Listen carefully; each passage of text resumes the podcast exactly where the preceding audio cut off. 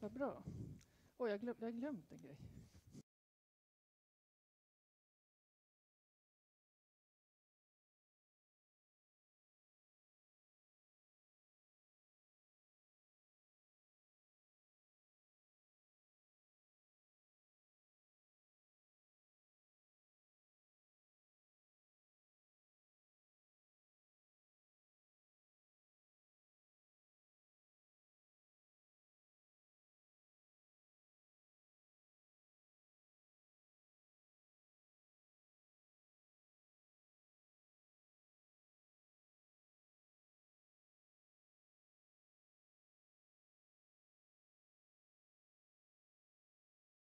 Ja, välkomna alla här i publiken och välkommen ni som följer livesändningen på Facebook och Youtube.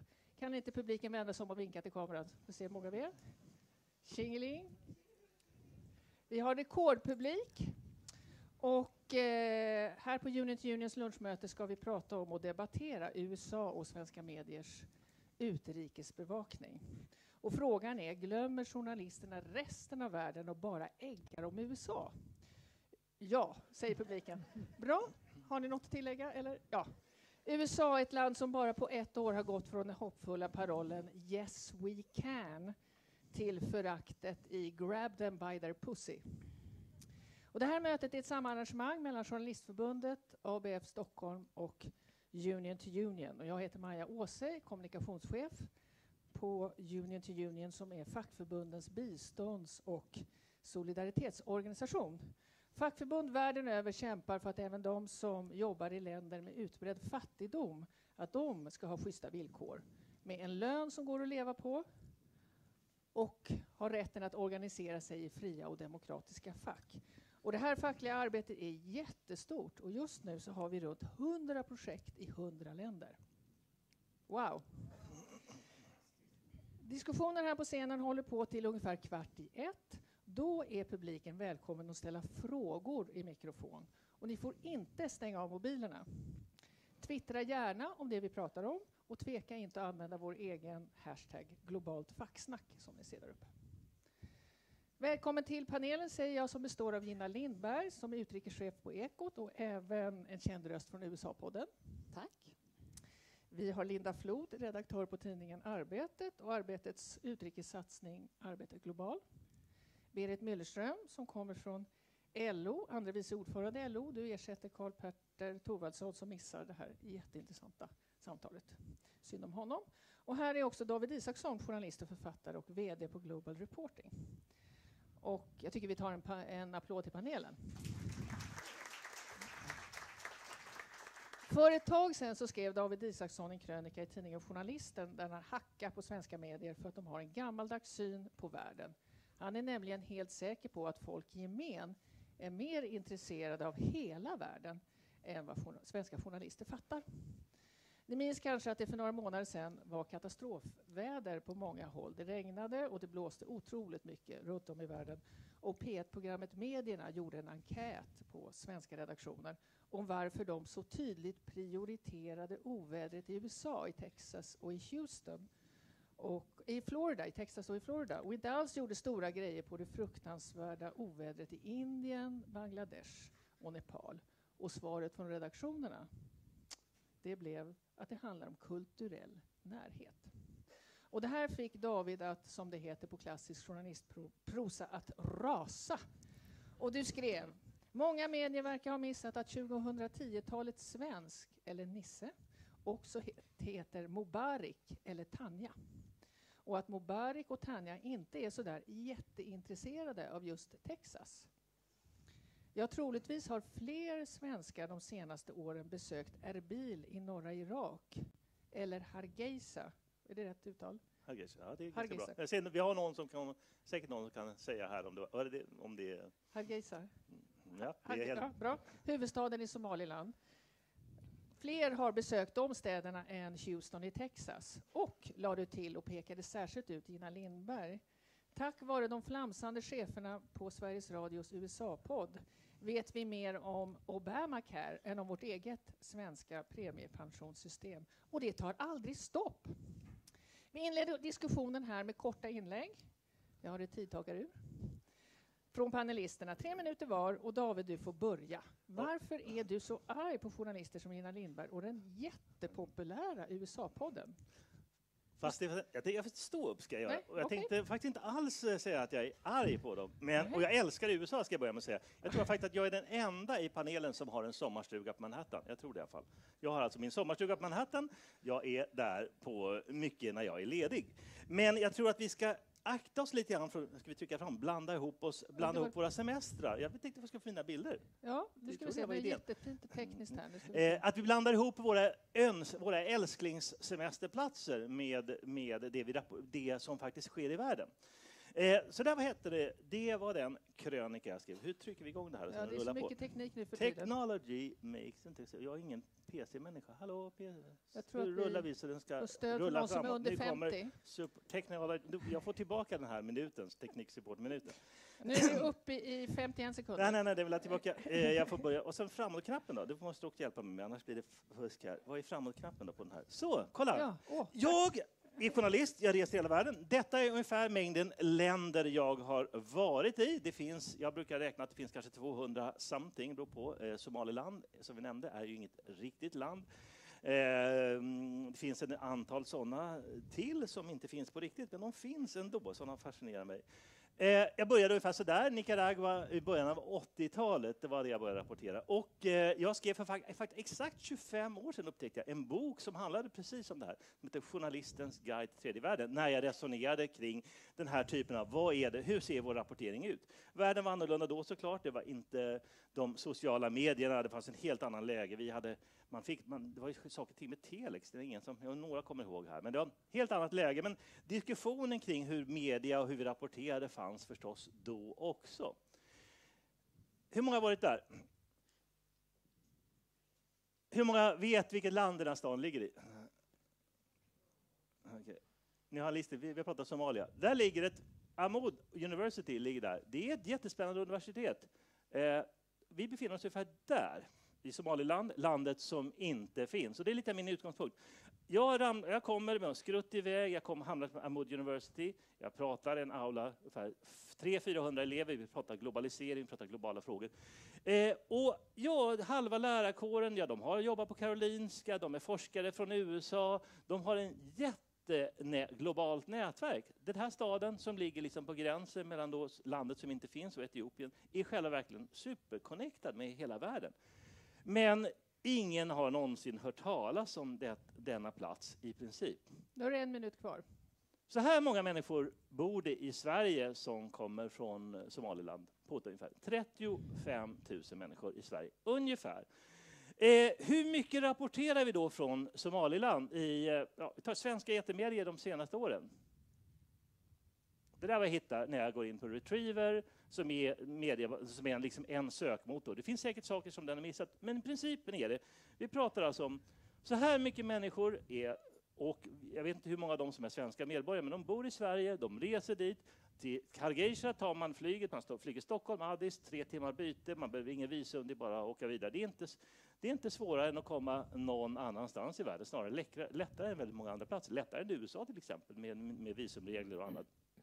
Men vi rapporterar inte därifrån.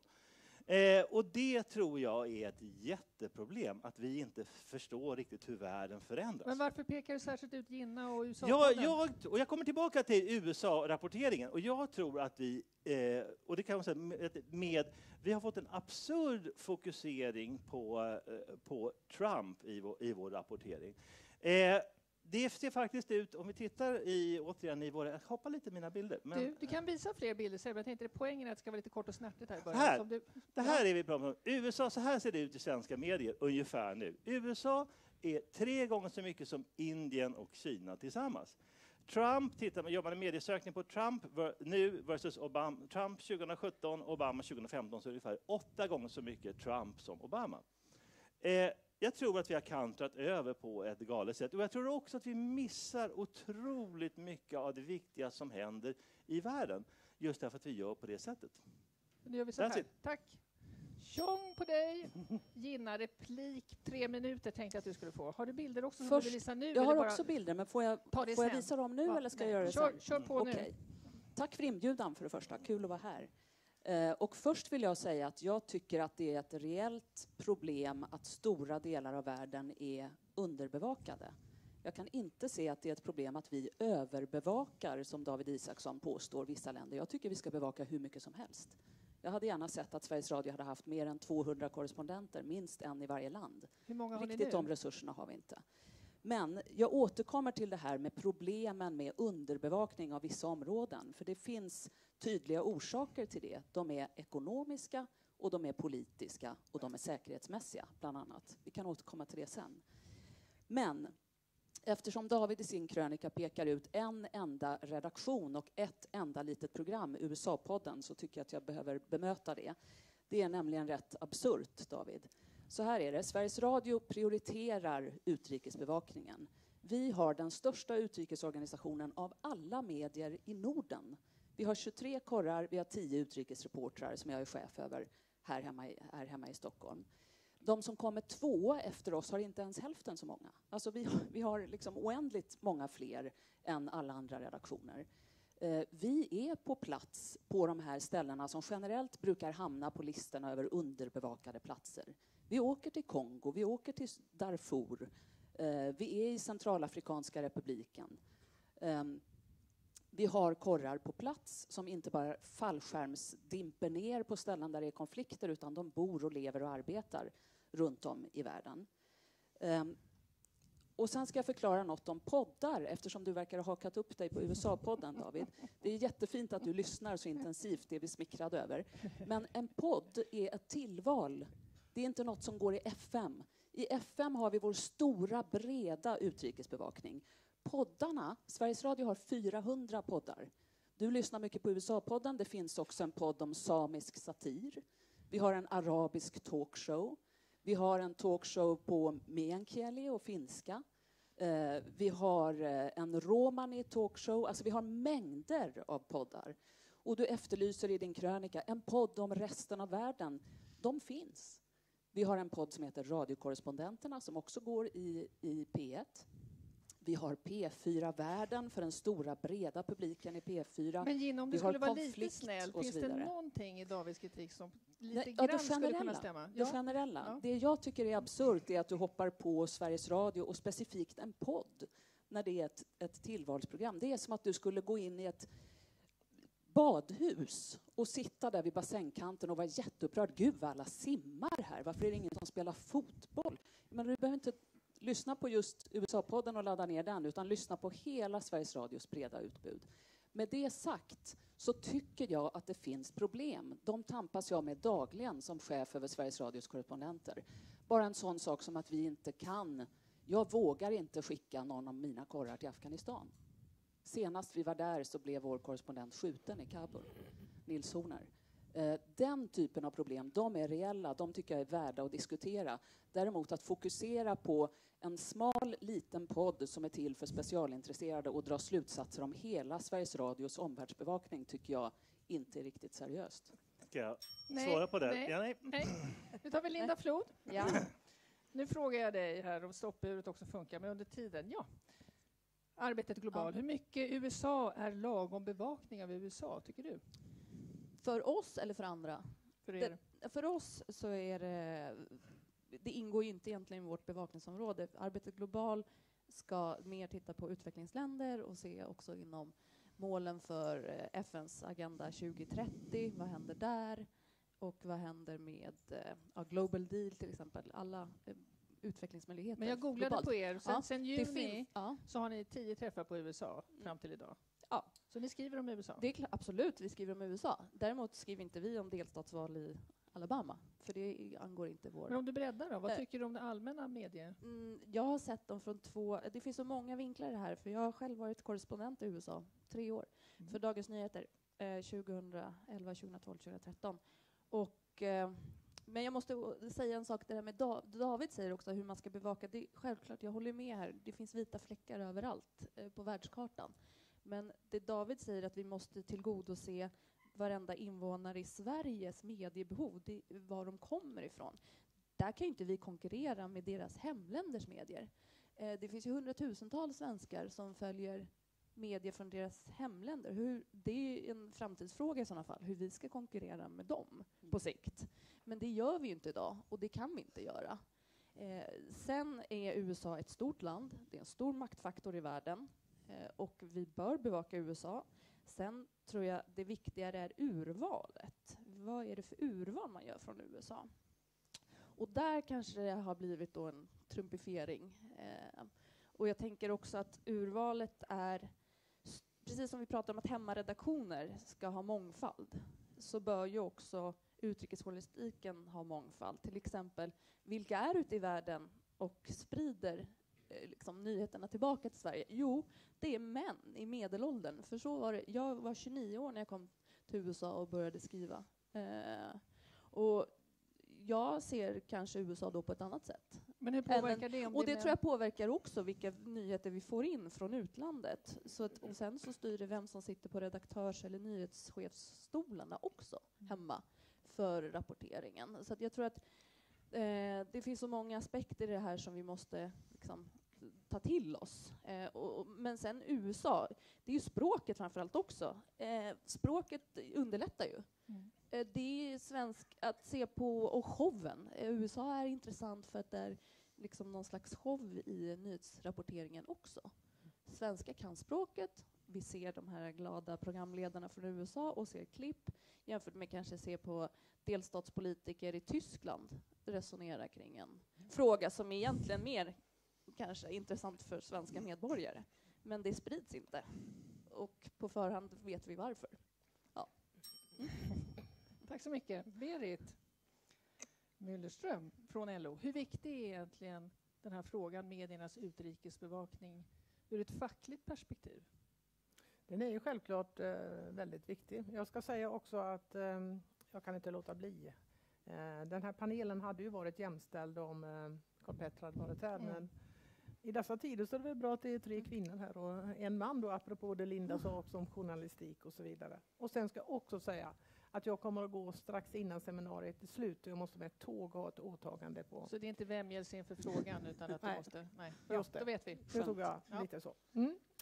Um, det är klart att eh, eh, journalistik och mediebevakning är väldigt viktigt. Det är liksom både en demokratifråga men också en facklig fråga, självklart. Och det är klart att om eh, det vi pratar om nu, USAs dominans, den blir ju liksom problematisk ur eh, många bemärkelser. Och det Linda var inne på eh, lite, att eh, det blir så mycket om Trump, det handlar ju liksom att eh, det blir populistiskt och eh, det är intressanta artiklar och så vidare. Men det är ju också så att vi skulle behöva, vi kan se på LO, att journalistiken har en uppgift också liksom att bilda liksom folket och bilda människor egentligen. Och det kanske vi saknar till vissa delar. Vi eh, får inte den där folkbildningen som journalisten kun, skulle kunna ge om man inte går in lite djupare i det som eh, Gina var inne på, att det finns liksom väldigt mycket på olika medier eh, där man kan söka information. Men tittar man bara sådär på ytan så, eh, eh, så är det bara liksom att sälja så mycket som möjligt. Att, bli, att ha populära inslag är lite det som jag uppfattar. Men eh, man kan ju säga att vi gjorde en egen mediautredning eh, eh, 2011 och då visar ju den eh, att det finns ju ett stort behov bland våra medlemmar att få journalister att ta sin utgångspunkt i den verklighet som faktiskt förbundet, våra 14 förbunds medlemmar befinner sig i. Hur många medlemmar har LO? En och en halv miljon medlemmar. Det är ganska många. Det är ganska många. Och då, eh, när vi tittar på det så kan man säga att eh, LO-medlemmarnas vardagsliv skildras ju inte särskilt mycket.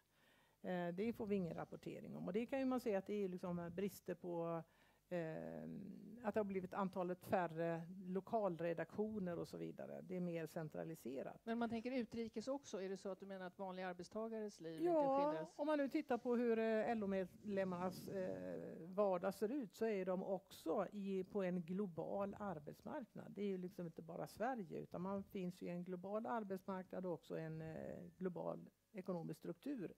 Och sen har vi hela EU eh, som påverkar oss väldigt mycket, som påverkar eh, löntagarna oerhört mycket. Och eh, de flesta eh, svenskar har ju liksom kollegor ute i världen mm. egentligen som jobbar. Och ha arbetsgivarna finns liksom också runt om i hela världen. Det tänker vi väldigt sällan på. Det är kanske så att min granne har jag mindre gemensamt med än någon som finns i Indien som kompis, kollega när jag jobbar. Du är lite fräck. Ja, förstod det. Ja, innan det blir dags för repliker så tänkte jag skicka med en fråga till, eh, till panelen. Och sist i den här eh, diskussionen så ska ni alla avslöja er utrikes drömnyhet under 2018. Vad är det för nyhet som ni allra, allra helst vill höra från vår omvärld nästa år? då börjar vi med fritt fram för repliker och så har vi fram till kvart i ett när publiken får ställa frågor. Ska jag börja då? Ja, är du sur, David? Nej, jag är inte sur. Jag, det är, alla som har läst texten säger att det är två rader fotnot sist om den här podden, men uppenbarligen har jag trampat på en mycket öm ekotå. Eh, jag ber om ursäkt för det. Fast två rader, det var det väl inte? Det handlar ganska mycket om USA-podden. Ja, det tog, tog två rader slut. Det handlar överhuvudtaget om Men jag tror också ja. att det... Och vi, man kan... Jag har inga ömma tår, kan, man men du får kan, gärna förklara. Man kan all, man, eh, men jag förstår att ni känner er lite trampade på tårna. Inte eh, helt okej, okay, helt okej. Okay. Inte det, det minsta, det är lite, for the record. Ja, okay. det, Trampa på. Men, ja, det kommer jag göra, jag lovar. Eh, men jag tror att vad, det är liksom viktigt att förstå vad, hur ska vi nå, hur, identifikationen, vad känner män? Och det är min huvudpunkt. Ska vi få en journalistik som fungerar. Det är en jättestor diskussion just nu kring journalistikens relevans, kring sociala medier, kring fake news och så vidare. Ska journalistiken vara relevant så måste den uppfattas relevant också av de människor som lever i Sverige.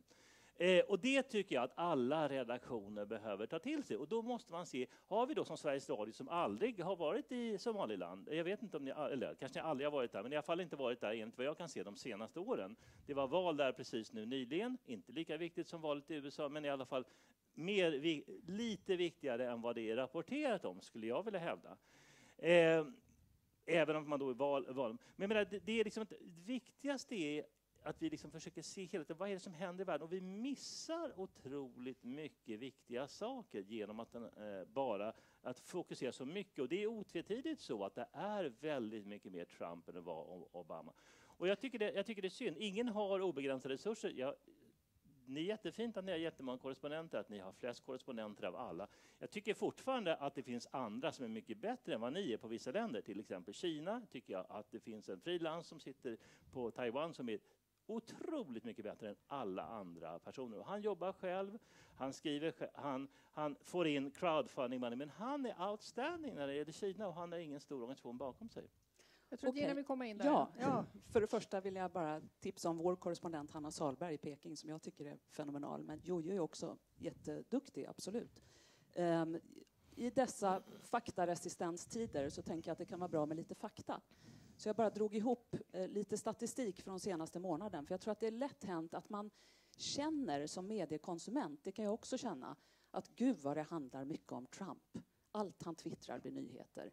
Det blir det ju i vissa medier. Men eftersom David nu specifikt eh, riktade kritik mot Sveriges Radio så vill jag bara visa hur har det sett ut hos oss senaste månaden. Så att Maja, om du bara kan visa. Jag kollade, ja. jag satt i förrgår och räknade statistik. Ja. Eh, för jag tycker det är bra att ha faktaunderlag Lina, när man diskuterar. Och sen också att den blir stor. Och då tittade jag först på Kvart i fem-ekot, som är vår absolut största publika sändning. Det är drygt 900 000 av er som lyssnar på Kvart i fem-ekot en vanlig vardag. Uh, hur ser utrikesrapporteringen ut i Kvart i fem-ekot? Hur har den sett ut senaste månaden? Ska jag trycka? Mm, då kan du trycka. Och så gjorde jag ett sånt där litet modernt ordmoln av det. Så här har den sett ut i Kvart i fem-ekot. Det här är de länder som har dominerat. Jag drog ihop EU-Bryssel där. Det är absolut störst. Har väl mycket att göra med Brexit. Zimbabwe förstås har varit stort i rapporteringen. Ser Även, vi Somaliland här? Inte Somaliland, men Nej. USA som ni ser inte särskilt stort jämfört med Storbritannien, Tyskland, Israel, Palestina. För att få ett lite bredare utbud så tänkte jag att jag tar alla huvudsändningarna under en vardag. Morgonekot i P1 klockan sju, Lunchekot 12.30 plus kvart i fem-ekot hela senaste månaden. Vi kan kolla hur det mm. har sett ut. Jag bara säga sen att Linda och Berit, ni får gärna komma in mm. ja. sen när det är dags. Det, är inga, det har sett regler. ut så här. Där har ni siffrorna. Och då har jag delat upp det i världsdelar och lite efter, jag har delat upp det efter hur vi bevakar, alltså Ryssland och före detta Sovjetstaterna klumpade jag ihop där. Europa överst, som ni ser dominerar totalt. Det kan man fundera över, hur rimligt det är. Dominerar väldigt stort, Ryssland 16, eh, Mellanöstern också mycket stort. Nordamerika, både USA och Kanada, ganska blygsamt, David. Får jag komma med bara kort, jag visa dem kommentar? Två, ja, absolut. Bara så här, bara säga att i Kina så bor det 1,4 miljarder människor. I Indien bor det 1,3 miljarder människor. I USA bor det 323 miljoner mm. och i Afrika bor det ungefär en miljard. Mm. Kolla på nästa bild. Mm. Så har jag försökt göra det där. Vi kan ta en, ja, jag har gjort staplar, men titta på nästa igen så blir det ännu tydligare tror jag. Här ser man hur världen har sett ut enligt Ekots stora sändningar den senaste månaden. Det här tycker jag var superintressant. Jag tog med mig det här till utrikesgruppen för att göra en liten eh, återkoppling och analys. Blev de, de överraskade? De sa oj, har vi haft för mycket Brexit? Och har vi kanske för lite USA? Var det någon som sa. Aha. Det kan Vem man fundera det? över. Vem var det? Jag avslöjar inga namn. Här. Um, det, och Asien kan man ju fundera över, borde det vara med? Det beror naturligtvis på nyhetsläget. Att Afrika är så extremt stort har ju mycket att göra med Zimbabwe, men det är inte bara Zimbabwe vi har rapporterat om, utan också Etiopien, Eritrea, Kenya, Sydafrika, Nigeria, Angola till exempel, mm. senaste månaden. Så att, ja, de, jag struntar i inrikes. Jag har bara fokuserat på utrikes. Det är inte med alls. Jag, har bara, jag, jag struntade helt i Gina, Lin, Linda vill komma in. Det jag ja. tänker, det är ju det jag tror i USA. Fixeringen handlar ju kanske mer annonsbaserade medier också. Men där är ju frågan liksom, balansgången mellan efterfrågan. Märker man att efterfrågan är hög sänder man kanske ut också fler artiklar eller inslag eller Absolut. så. Och, det, och där är ju så här, hur, vilket ansvar har då annonsbaserade Exakt, medier jag tror i det. Det där är ju en ja. superviktig poäng. Och det är där din kritik blir relevant, tycker jag, David, när det gäller den generella mediebilden. Därför att de medier som är, som är kommersiella, som baseras på klick, de får mycket klick när Trump twittrar och man gör någon kort grej om det. Det här är att rapportera om om Trump som person och hans twittrande, det är ganska billig och lätt journalistik. Men det är det ni ägnar er åt i er podd? Precis det ja, ni ägnar er åt. Det ni vill ägna er åt billig och lätt journalistik. Vi, ja, den är både billig och ja. lätt. Ja, absolut, men den är ett tillval. Det här är liksom det stora. Det är en miljon ungefär som lyssnar här. Ja. Podden är 30-40 000. Det är ett tillval. Och vi har massor med andra tillval. Jag har en fråga till, Be eh, till Berit. Jag tänkte att Hans Rosling, som vi ju minns, han skällde ju ofta på journalister och tyckte att journalisterna bara rapporterar om krig och svält och elände när det finns så mycket positivt att berätta om. Vad tycker du om det? Har Rosling hade han rätt eller fel? Ja, man, han kan, man kan säga att han har både rätt och fel, men det finns så mycket positivt. Och jag tänker på det jobb som eh, LO och dess 14 förbund gör tillsammans med Unity Union i världen, i, i de utvecklingsprojekt som vi jobbar med, som verkligen eh, jobbar med att förbättra liksom, villkoren eh, och stärka liksom, demokratin så att människor kan ta liksom, makten över sitt eget liv. Att organisera sig och så vidare. Det är väldigt eh, få som skriver om det. Ja, eh, Arbete globalt. Arbete globalt bland annat skriver om det. För det är det jag tror är viktigt. Man, man kan koppla det liksom till Sverige. Och om man tittar som lokal, eh, även om vi ska prata om utrikespolitik, eller utrikesjournalistik, så kan man ändå titta på hur det ser ut i Sverige.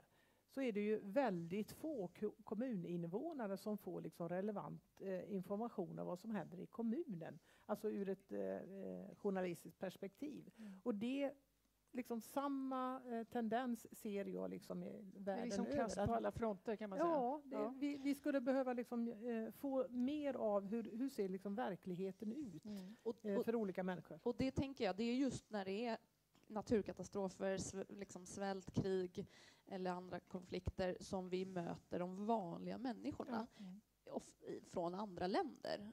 Men de syns ju inte annars. Eh, och där, det Arbetet globalt mm. kommer in, till exempel, för att fylla det här Jag har en eh, fråga till dig innan. Ja. Jag, tänkte, jag, lyssnar, jag lyssnar på USA-podden, förlåt David att jag att jag... Ja, det gör jag också. Gör du också det? Ja, då, ja. Ska... Hur många är det förresten som har någon aning om när vi pratar om USA-podden vad det är för någonting? Lyssnar ni?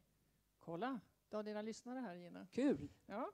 I senaste avsnittet, som släpptes i förrgår, mm. ja, Då säger redaktören Anders Ask, som har jobbat som korre jättelänge, mm. han säger att han precis har varit på Nya Zeeland och då har han märke till någonting, att där är USA-fixeringen och bevakningen inte alls så påfallande som i Sverige. Har Anders fel, Gina? Anders har helt rätt. Okay. Eh, det, är, det finns ett enormt stort USA-intresse bland många i Sverige. Det är därför vi har startat den här podden. Vi vill inte liksom konkurrera ut annan rapportering i FM, i våra stora kanaler. Där ska det vara en bredd, det ska vara en balans. Men det finns många, det märkte jag när jag var korre i Washington, som sitter och följer liksom amerikanska primärvalsdebatter på nördnivå. Ni är några i den här salen som gör det också. Mm. Och för er gör vi USA-podden. Vi är några stycken som kan hyfsat mycket om USA på radion, som har varit korrar tidigare. Och David har rätt, det är billig radio. Vi gör det som en, i samtalsform en gång i veckan. Men det är som sagt ett komplement till den övriga rapporteringen. Den, den, den dyra, kostsamma och tunga utrikesbevakningen det är ju att vara ute på fältet. Mm. Precis det som du säger, Linda. Det här att vara där, att tala med de berörda, att vara ute i, i konfliktzoner och i ställen där det är svårt att ta sig För Gina, till du var inne på det, du nämnde Nils Horner som ju sköts på öppen gata i ja. Kabul. Hur, hur avgörande är den här säkerhetsaspekten när det gäller att bevaka? Enormt, och det blir, det blir faktiskt svårare och svårare. Det, är, det som jag tampas med dagligen i min roll som utrikeschef när jag snackar med korrarna som, som lever och arbetar i, i konfliktzoner så är det att det blir dels tuffare och tuffare att vara journalist i de här områdena för att väpnade grupper i konflikter eh, har, alltså använder journalister som måltavlor. Journalister är hotade och utsatta för våld på ett sätt som de inte har varit tidigare, i en omfattning som de inte har varit tidigare. Och det gör de ju för att det funkar. För att när man hotar journalister, vare sig det är ditresta svenska journalister eller alla de arma lokala journalister som bor och arbetar där på plats, så stryper det informationen och kommunikationen. Och det är precis det de här terrorgrupperna vill. De vill styra kommunikationen och informationen själva. Så det är ett jätteproblem. Mm. Sen är det också ett problem att eh, auktoritära regimer runt om i världen gör det svårare för oss journalister att komma in, att få visum. Mm. Eh, vi har problem i eh, Thailand, Turkiet, för att inte tala om eh, massor med länder i, i Afrika. Mm. Eh, och det har blivit krångligare och krångligare för oss mm. att få visum och vara på mm. plats och rapportera. Jag tänker vi har ungefär en kvart kvar innan publiken är välkommen att ställa frågor. Jag tänkte fråga dig, David, du ska vara monsieur le provokatör här lite grann. Eh, innerst inne är vi liksom inte mer intresserade av USA än av Bhutan till exempel? Jag har, jag har jobbat i 35 år med att skildra olika delar av världen. Jag har aldrig haft problem att sälja några grejer någonstans ifrån faktiskt, olika redaktioner. Jag var frilans under massvis med år, Eh, skriver fortfarande åt alla möjliga olika håll och kanter. Det, det handlar väldigt mycket om bra idéer, det handlar om, om att pitcha in dem och jag tror att det finns jättestor möjlighet. Det kan handla om att du, alltså, duktiga då väldigt duktiga frilansmänniskor som gör saker. Det, det, finns möjlighet och det går och det, man får också ett intresse om man berättar om, om olika saker. När jag berättar om Borama här, och det, jag lovar er att när, den artikeln, det, när jag skriver den artikeln, jag har skrivit den, det, ni, det kommer få så otroligt mycket som ni inte visste om. Så det finns en triggerpunkt där, för att vi vill också veta mer om vad som händer i världen. Och vi behöver veta mer om vad som Varför händer i världen. Varför behöver vi veta det? Menar, hur många vet vilket land som äger alla biografer i Sverige? Räck upp en hand. Okej, okay. De ägs av kinesiska intressen i princip. Kina köpte hela stora biografkedjorna i Sverige. Det betyder att nästa gång det kommer en stor film om, om Tibet så kan Kina stoppa den. Det är jättebra att veta. Det är extremt underrapporterad. Eh, och det här är bara en liten, liten del av den stora rapporteringen, liksom Kinas roll i världen. Indien, vi vet otroligt lite om vad som händer i Indien. Ett land som, du hade med Indonesien här, det är ju bara en månad också där. Det är viktigt också, gör en månad, tittar vi på större, tittar vi på två, tre år, så blir det ju en helt andra, andra mönster såklart. Är du säker på det? Eh, på media, jag använder Retriever. Och det är ja, men jag tänkte Sveriges Radio. Ja, vi, ni kan inte, jag tror man kan, ja, man kan gå ner och söka i program, program. Det kan alla som vill mm. titta på det, det kan man se. Mm, eh, och jag tror, tror som sagt att det Eh, ni har två korrespondenter i USA, ni har ingen i Indonesien, ni har ingen, ingen i Indien. ni har en i Kina. Och det är jättebra att ni har en i Kina. Men hur tycker du att det skulle Men... se ut då, egentligen? Om du fick bestämma, hur skulle Sveriges Radio och SVTs bevakning se ut vad gäller korrar? 20 i beton? Jag tror till exempel att man skulle jobba Eller? kanske ännu mer med faktiskt med jätteduktiga frilansmänniskor, kanske verkligen jobba med frilansmänniskor. För det finns ett problem där att komma in, korrespondenter är dyra, duktiga stringers, är också väl, väl, liksom, ha, kan göra väldigt mycket. Så jag tror att man ska kunna jobba mycket mer med det. Och du tror att det, finns ett sådant intresse bland allmänheten? Eller hur ska man jag göra tror absolut. För att få... Då ska jag bara säga, vilken, vilket svenskt medieföretag tror ni är störst på sociala medier? Vad ska ni tro? Vad tror panelen? Vilket skulle ni är störst på sociala medier svenska medieföretag? Du har sådana folkbildande... Gissa? Ja, gissa. Aftonbladet. Ja, Aftonbladet. Nej, okay. Det som är ungefär tre gånger så stort som Aftonbladet, eller fyra gånger så stort som Aftonbladet, är Allkompis. Hur många har kan, följt Nej. Allkompis? Är det fler som okay. Allkompis, 1,4 miljoner gillare på Facebook. Nyheter från Sverige och från resten av världen på arabiska. Störst, alla kategorier, störst. De är svenska, de sitter på Skelegatan. Vad är din poäng med det? Att det finns jättemycket som är intressant att berätta. Vi har 500 000 människor i Sverige med, som har arabiska som språk. Självklart, om vi, ska om vi ska vi nå de människorna som råkar bo i det här landet så ska vi rapportera om det som är relevant. Och då hävdar jag att Hargeisa och Somaliland är på många sätt viktigare än Houston. Det tror jag faktiskt. Men, men Linda, Även om jag har varit i Houston också. Linda, får fråga dig, vad skulle bli förändrat om vi tänker utifrån det svenska perspektivet mm. om medierna hade en, en säga, ytterligare mer, lite mer eh, vad ska jag säga, utopisk nyhetsbevakning här som David pratar om, med lika mycket nyheter från Somaliland som från Washington DC. Ja, det sa jag inte, lika mycket sa jag. Jo då, det sa du säkert. Det vore lite märkligt det. kanske. Men... Skulle kunna ha sagt det. Nej, okej, okay, jag överdrev ja. något lite grann. Ja. Vad som skulle kunna bli förändrat? Ja, ja allmänbildningen, kunskap, mm. så. Men att människor, jag menar man har stort intresse det vet jag inte. Jag tror inte för jag har jobbat på flera medier och jag vet hur utrikesjournalistik, det är lästa medier, men hur de läses. Tyvärr så har inte folk intresse för det. Hur vet, du, hur vet man, du det? Jo, för att jag vet läsarsiffror ja. eh, från reportage från olika delar av världen och så. Och därför, ja, jag, eh, jag tror att man är intresserad av en sak så kan man hitta det. Men då gäller det att hitta det också, att det ska finnas någonstans. Ja. Sen vad respektive medium väljer att fokusera på, det är ju en sak i sig. Om det alla går mot samma håll eller inte, det, det är en farlig väg. Okay. Eh, och där, det du vill komma till är ja. säkert att världen då liksom, vi krymper. Man brukar prata Trots om, globaliseringen ja, så krymper det. Det är globalisering, men ja. civilsamhällets utrymme ja. krymper och att det här men, är en fara Men till så exempel så tror jag inte att det gör det, för i och med att ah, fler och fler och fler är uppkopplade och vi har, eh, min kollega som sitter på första rad, Erik Larsson, han har varit i Kambodja eh, och har fortfarande kontakt med många människor därifrån som dagligen sprider information om hur det ser ut där. De vill liksom att det här ska bli nyhet, alltså komma ut för att deras eget samhälle hur kan, på, hur kan det påverka deras samhälle? Om vi att det läsa... krymper, men om vi börjar rapportera om det så ja. hjälper vi såklart det samhället. Ja. Så att det, där eh, finns det ju både från publiken i Sverige men också publiken i utlandet en connection. Så. Okay. Mm. Berit, du ville säga något? Ja, jag tänker på det här med intresse då. Så Um, Union to Union gjorde ju tillsammans med Novus en undersökning om vad är liksom intresset Precis. för liksom internationella och fackliga och solidaritetsfrågor. Och då kan man säga att 85 procent tycker att det är liksom viktiga frågor. Och så kan man ju se vilket genomslag vi själva har eller hur mycket berättar vi själva om vad vi gör i världen. Då skulle jag vilja säga att eh, eh, även förtroendevalda inom LO har väldigt dålig kunskap vad respektive förbund gör vad det gäller utvecklingsprojekt. Så att eh, vi du kan göra att saker själva. borde rapportera mer om det fackliga globala arbetet? Absolut skulle ja, de göra det. Absolut. Nej, men jag tänker också så här att, att eh, det handlar ju ibland vad man eh, just för tillfället är intresserad av. Jag träffade eh, för ett tag sedan eh, Macris eh, Caberos som kommer från eh, det filippinska socialdemokratiska partiet. Och eh, visst har jag lite koll på hur det ser ut eh, på Filippinerna och så vidare, men att det var så gräsligt illa eh, som hon berättade för oss med president eh, Dutertes krig mot droger, det kan ju låta bra.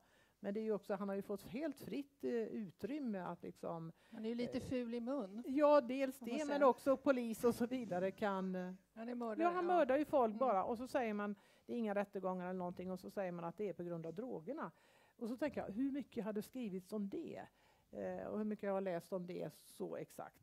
Eh, nu fick jag ju erkänna att eh, det hade ju skrivits en del, men inte i den omfattningen som jag tycker att det borde skrivas. Mm. Så det handlar ju ibland när man är engagerad i en sak mm. så tycker man att det skrivs inget om detta. Och så Innan det blir dags för slutreplik så tänkte jag bara fråga dig Gina, den här rubriken USA, USA, resten av världen i medieskugga, är det liksom helt fel? Jag, jag, tycker att det finns en poäng i det om man tittar på medierna generellt. Om man tittar på vad som toppar många av våra stora mediesajter idag, Aftonbladet, Expressen och de tidningarna som lever på att vara kommersiella, så är det ett faktum att eh, när Trump gör någonting, och jag, jag håller på och raljerar här om hans tweets, han är ju också en av världens mäktigaste män. Det är klart vi ska granska honom.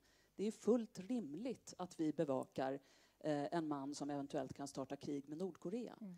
Det är inget konstigt.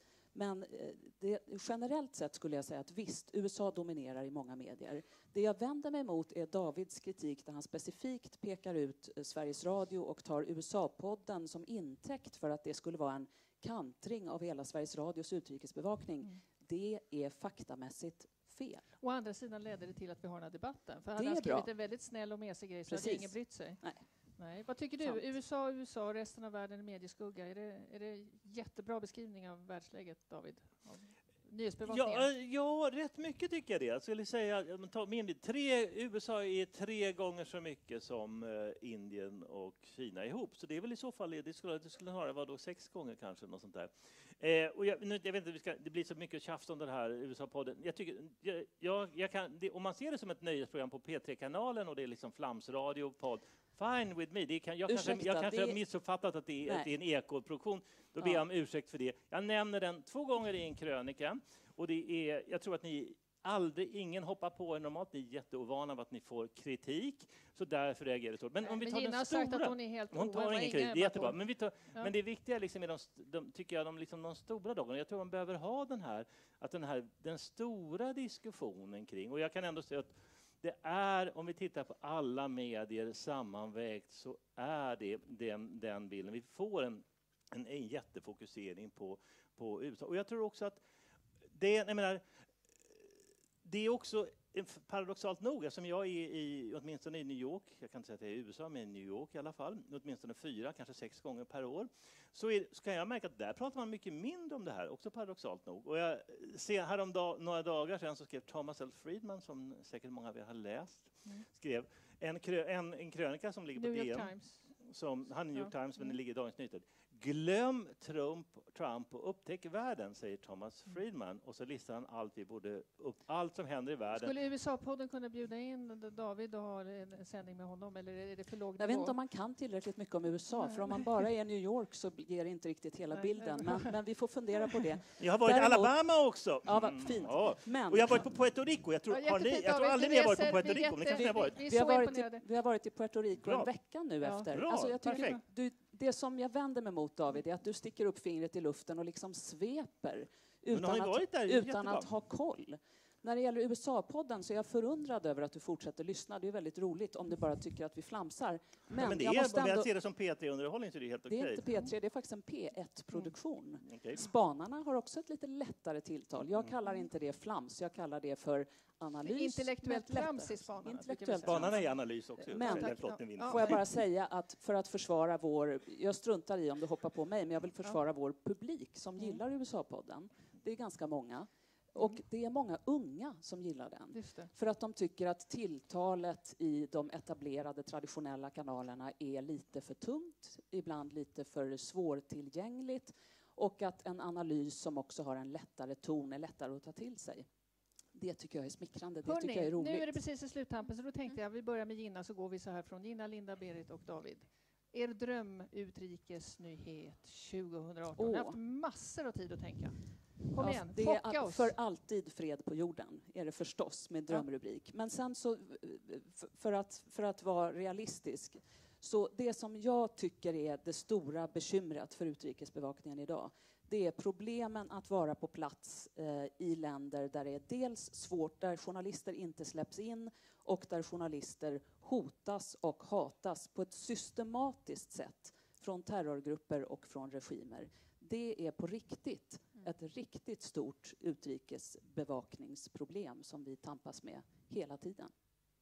Linda? Jag håller med där. För det är samma, vi förlitar oss ju på frilansare från, eh, som är ute i världen och där är ju självklart enklare att vara frilansare i väst än Afrika. Vi får aldrig förslag nästan från Afrika.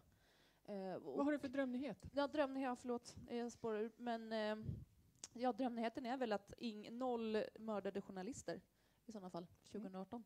Okay. Mm. Berit, din drömnyhet? Eh, min dröm, eh, det är... Um, Alla i hela världen är med i facket? ja, det, absolut. det vore det, vore det allra bästa. Ja, ja. Nej, men på det temat, när, när människor har lyckats att organisera sig och ta eh, kliv fram eh, och teckna avtal och så vidare med arbetsgivare mm. på bättre villkor. Och David, din är förstås att USA-podden läggs ner? Nej, men det är väl att eh, Trump ställs inför riksrätt och vi slipper, slipper, alla, slipper söka på honom och slipper se honom i alla medier fram, framöver. Det är väl det allra bästa. Tack så mycket. Nu är det dags för publiken. Om ni har lust får ni gärna ge dem en delapplåd. Och nu har vi ungefär tio minuter på oss. Vi har en fråga där nere. En vädjan är ställ, presentera er med namn, ställ er gärna upp och ställ en fråga. Inga längre självbiografiska berättelser från er tid i lumpen eller så, utan en kort fråga till de här fyra. Varsågod. Du får peka vilken som ska vara först. Ja, vi tar där närmast. Där vinkar, Pavel vinkar väldigt mycket där. Får gärna ställa dig upp och ja, säga att du heter något. Hej, jag heter Pavel Flato. Eh, handlar inte mycket om att man, man kan se till exempel bevakningen av USA som en investering. Alltså att ni i medierna har investerat väldigt mycket i ett ämne. Det är mycket lättare att producera en nyhet som får uppmärksamhet från den sfären än från Somaliland. Okej. Okay. Alltså Vem? du måste plantera det hos, om man börjar rapportera väldigt mycket kan om Somaliland. Kan hålla micken lite närmare munnen? Om man skulle börja rapportera väldigt mycket om Somaliland så skulle vi också tycka det var jätteintressant. Du skulle sagt, det kommer en podd om Somaliland. Men man har ju gjort investeringar i vissa konflikter, vissa länder under lång, lång tid. Och det är väldigt frestande att bara fortsätta där, än att göra en ny investering. Handlar det mycket om gammal vana, Gina? Vad tror du? Ja, alltså jag har svårt jag, jag känner som jag upprepar mig, men eftersom den här bilden ni såg förut, vi gör ju inte så mycket om USA jämfört med andra, men, men, men generellt så förstår jag vad du menar, att förförståelsen för USA bland stora delar, inte alla i, i publiken i Sverige, men bland stora delar är ju väldigt stor. Jag menar, vi, vi är uppvuxna, många av oss, med amerikanska tv-serier, eh, med att förstå liksom, kontexten. Och då blir det lättare. Man tycker man känner igen sig när man kommer till New York och ser gula taxibilar och sådär. Ja, och med ja, rapporteringen, absolut. Ja. ja. Tack Pavel, nu har vi flera som frågar. Vi har en där nere. Får jag bara flika in en grej jag tror att det här härstammar egentligen från att en och en halv miljon svenskar emigrerade till USA också. Att någon slags så här, drömvärld mm. av USA lever kvar från historien. Det brukar kallas USAs 51 Ja, men liksom ja, att det är drömmen ja. och att vi tror att vi står närmare kulturellt mm. än ja. vad vi gör. För väl där på plats så gör vi inte det. Men vi med. tror genom genom historien. Så har Tack så mycket. Vad heter du och din Sva korta fråga? Ja, Svante Holm heter jag. Jag tror att rubriken är lite felställd, för det handlar inte om geografi, utan det handlar om hur pressen fungerar, eller massmedia fungerar överhuvudtaget med korta, snabba nyheter och så vidare. Och det finns anledning till självreflektion. Men vad som är viktigt, det var det som också LO var inne på förut, eh, hur det ser ut för svenska arbetare. Alltså, det är ännu viktigare hur det ser ut för arbetare i resten av världen. Har du en det, fråga? Ja, det kommer alldeles strax. Ja. Ja. Och eh, där finns nästan i media väldigt lite. Fackförbundspressen skriver mycket. Unionen till Unionen gör mycket bra jobb också. Men hur ska vi få de här, för det påverkar oss i Sverige oerhört mycket, att det är försämringar i fackföreningar i Europa, Frankrike, England och så vidare, i Afrika och alla länder eh, påverkas oerhört mycket. Hur ska vi se till, fråga LO här, hur ska vi se till att faktiskt på olika sätt vi får internationella frågor på dagordningen i facket? Berit, ska du bli mediemagnat? ja, det, det, kanske jag skulle bli. Men jag håller helt med dig. Det, det, är det som vi måste få liksom högre upp på dagordningen. Och då kan man säga så här att eh, LO kan ju väldigt ofta eh, få journalister att skriva saker som eh, vi faktiskt gör. Så jag lovar, jag ska verkligen ta med mig det. För det, det är viktigt. Ni, LO ska påverka ihop. journalisterna? Nej, inte påverka journalisterna, men vi kan säga att här har vi en intressant grej och, mm. och många gånger får Tipsa. vi journalister som faktiskt vill skriva om det. Mm. Inte bara arbetet utan andra också. Mm. Men nu har ju du och Gina har ju lite kontakter. Absolut, ja. absolut. Nästa fråga. Anna Bellmark, jag skriver för en tidning som heter Almanova. Och eh, jag håller med dig där om att jag tycker att det är väldigt underrepresenterat Asien. Alltså Asien har ju nästan hälften av världens invånare. Um, jag är själv utbildad journalist i Italien och har eh, blivit inbjuden som forskare på ett kinesiskt universitet där jag eh, analyserade västerländska mediers syn på Kina. Och eh, jag gick in på tio olika länders medier i, på sex olika språk. Och eh, min analys var att Kina är enormt negativt representerat i västerländska medier. Um, det finns ju, de gör, det är klart Kina är inte det perfekta landet men de har också väldigt mycket positivt i Kina. Till exempel är det det land i världen som spenderar mest pengar på grön energi. Och vem skriver om det? Liksom? Så att det är väldigt eh, dåligt vinklat eh, i västerländska medier. Jag, har du någon jag fråga? skulle vilja ha ja, er kommentar på det. Varför är Kina så negativt vinklat av, i svensk media och i västerländska medier generellt? Och, ja, det är det någon som har svar på det? Alltså jag tror generellt att, att vi tenderar att, att hårdgranska länder och särskilt med auktoritära regimer. Eh, att, att det, där finns en grund eh, och det ska vi göra. Vi ska granska och bevaka hårt. Sen finns det ju en större diskussion när det gäller utrikesjournalistiken och journalistiken hemma om det som lite slarvigt kallas konstruktiv journalistik. Är det så att vi i medierna överlag fokuserar för mycket på det negativa, på konflikter, katastrofer och elände? Och är det så att vi för sällan lyfter upp de goda exemplen runt om i världen eller i Sverige? Det finns ju liksom en trötthet hos, hos mediekonsumenterna när man hela tiden möts av eländesrubriker. Precis det som Hans Rosling hävdade. Ja, ja, precis. Och inspirerad av Hans Rosling så pratar vi väldigt mycket om det på redaktionen just nu, inte minst inför riksdagsvalet nästa år. Att hur gör vi för att lyfta fram eh, inte positiva nyheter, men konstruktiva, de, de goda exemplen. Men blir det, det en styrd journalistik då? Att man inte, nej, det där kan vi inte berätta för det är för neggigt. Vi måste ha något glatt och trevligt. Ja, det, alltså, det finns ju en risk. Det, det finns ju liksom en... Eh, apropå det här som eh, Pavel sa förut om vad vi har för vanor och vad vi har för traditioner så tror jag att vi har en vana, både vi journalister och eh, mediekonsumenterna, att en, det som är neg en negativ överraskning är per definition en större nyhet, så att säga. Vi kan bara tacka Berit Myllerström för att hon kom. Tack, Berit. Nästa fråga från publiken. Var det där? Hej, Sofie Törn heter jag. Jag tänkte fråga till panelen, hur ser ni på utmaningarna i utrikesrapporteringen i mediebruset och den här diskussionen kring faktaresistens. Och, alltså hur når ni till publiken, en yngre publik? Hur tänker ni där och vad ser ni som utmaningar? Ja. Ska jag säga något? Ja, säg något jag tycker bara, återigen det jag sa, 20 procent av Sveriges befolkning har en annan bakgrund än de fem paneldeltagarna, inklusive moderatorn, det vill säga de inte vita medelålders medelklassmänniskor som bor i Stockholms innerstad eller fina förorter. De, de har en annan... Och det, de tror jag att vi behöver också nå viktigt. Så det är, liksom ska, så det är svaret, vi måste nå hela hela Sverige. Men man tänker hela det här fake news som en del säger, som jag föredrar att säga propaganda, för det är ju Trumps term det här med fake news. Men alternativa fakta och propaganda, hur ser du på det? Linda? Ja, eh, vi bevakar ju helt andra kanske frågor, men det jag tänk, vi, vi skulle kunna gå den här vägen, äh, inte fake news, men att försöka få mer klick för att, vi har, för att växa. Vi har funnits på webben i två år arbetar global och växer. Och I år har vi vuxit mer eh, än tidigare. Eh, men vi måste göra det ganska organiskt då, utan vi kan inte, vi måste vi har, vi har skrivit mål på det här ska vi bevaka och det här ska vi göra och vi kan inte frångå det genom att försöka hitta klickmonster eh, för att få upp läsningen.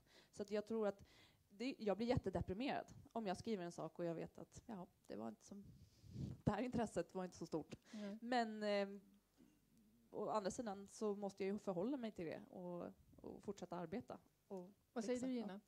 En jättefråga och en otroligt viktig fråga. Eh, jag, jag, tänker när det gäller utrikesbevakningen att en av de viktiga sakerna för att motarbeta propaganda och fake news det är att ha utrikesreportrar på plats.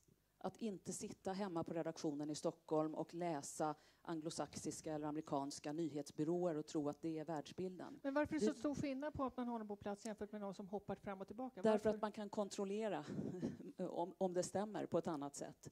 Och sen måste vi förlita oss på eh, att journalistik är en profession.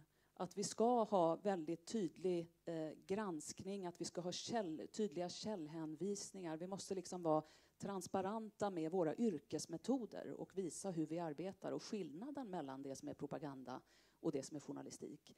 Och sen när det gäller det här med trovärdigheten och mångfald, det som David är inne på, också en otroligt stor eh, och viktig fråga, inte minst när det gäller kontrollen av, av eh, propaganda från andra länder.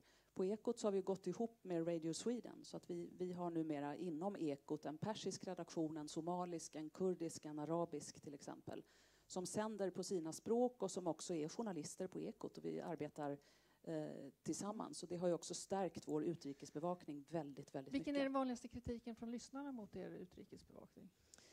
Um, ja, det är ju sorgligt, men nu om jag bara tänker nu spontant det, det, senaste så är det att vi rapporterar för mycket om vissa konflikter. Som till exempel? Till exempel nu Burma-Bangladesh har vi fått mm. väldigt mycket kritik som man kan fundera på om den är organiserad på något sätt väldigt mycket liknande formuleringar. Varför håller ni på och berättar om de här flyktingarna? Vad rör det oss? Mm. Det är ganska deprimerande, men det är en typ av, av kritik som vi får från vissa håll. Några, några fler frågor? Bra. Jag heter Lennart Sjösten. Jag är vice ordförande i något som heter Unioner Seniorer. Det finns 60 000 i Sverige, alltså det är TSO-medlemmar. Och nu gick eh, man från LO, men jag skulle vilja vädja till er att tänka på generationsskillnaderna Eh, därför att jag, jag, tycker att man utnyttjar den här äldre gruppen som är väldigt aktiv. Alltså vi är väldigt aktiva här i Stockholm till exempel. Va? Man glömmer bort vi har heller inte fullt medlemskap i TCO, inte i LO heller. Alltså, vi får yttra oss, va? men vi får inte vara med och Men tycker att det är för lite nyheter som är anpassade ja, för alltså sista man ska tänka på generations, alltså åldersskillnaderna i, i, både i Sverige och andra länder. Sen, sak, sen saknar jag liksom information så vi går ut långt ut i världen. Va? Men jag saknar från Baltikum till exempel va? och från Ryssland. Mm. Alltså, jag försöker verkligen att leta alternativ information från Ryssland och det är väldigt få som skriver om tycker jag. Okay. Tack så mycket, förlåt jag var lite fräck där. Alltså, saknar information som är anpassad för de äldre? Är det någon som vill ta frågan? Jag tänker spontant, vi har, jag bara kommer att tänka på att vi, förutom att vi har geografiska korrespondenter på Sveriges Radio, så har vi några ämneskorrar också som är liksom gränsöverskridande. Vi har Alice Petrén som rapporterar om migration, eh, Johan Bergendorf som rapporterar om global hälsa, eh, Palmira Kokarimenga som, som är vår ungdomskorrespondent som rapporterar om unga frågor. Vi har ingen seniorkorrespondent. Men det kanske är en idé. Jag får ta med mig ja, den absolut. hem. Nu har vi en fråga kvar, det är sista frågan. Varsågod, namn och en kort fråga. Och gärna mycket nära munnen. Ja, tack. Eh, jag heter Jadullah och jag har inte någon fråga. Det är bara en kort kommentar. Ja. Det står att vikten av nyhet är avgörande oavsett det händer i USA eller i eh, Somalia. Till exempel de sista två åren efter att den där pristagare eh, tog makten i eh, Burma. Vi hade säga. Men Nej. när de trakasserade de muslimska minoriteter, det blev ett nyhet. Det är viktigt att man tar hänsyn till vikten av nyheten. Som David sa i USA, det är de två åren, sista åren, det, det handlade om Obama och Trump. Tack. Mm. Tack så mycket. Hörrni, Eh, innan vi börjar tacka och göra alla sådana saker så vill jag bara påminna att om ni är intresserade av det fackliga utvecklingssamarbetet, som ni säkert är, så är det bara att gå in på Unit Unions sajt och ni kan prenumerera på nyhetsbrev och följa oss i sociala medier. Och panelen kommer också få någonting oerhört fint, en tygkasse med oh. vår slagparoll, slagordsparoll. Fackliga rättigheter är mänskliga rättigheter. En applåd för Gina Lindberg, Linda Flod och David Isaksson. Bravo! Jag vill också tacka alla medarbetare på Union to Union som har jobbat med det här. Tack så mycket och tack till publiken. Kom Tackar. gärna också nästa gång. Tack. Som vi har. Tack så mycket för idag. Underbart.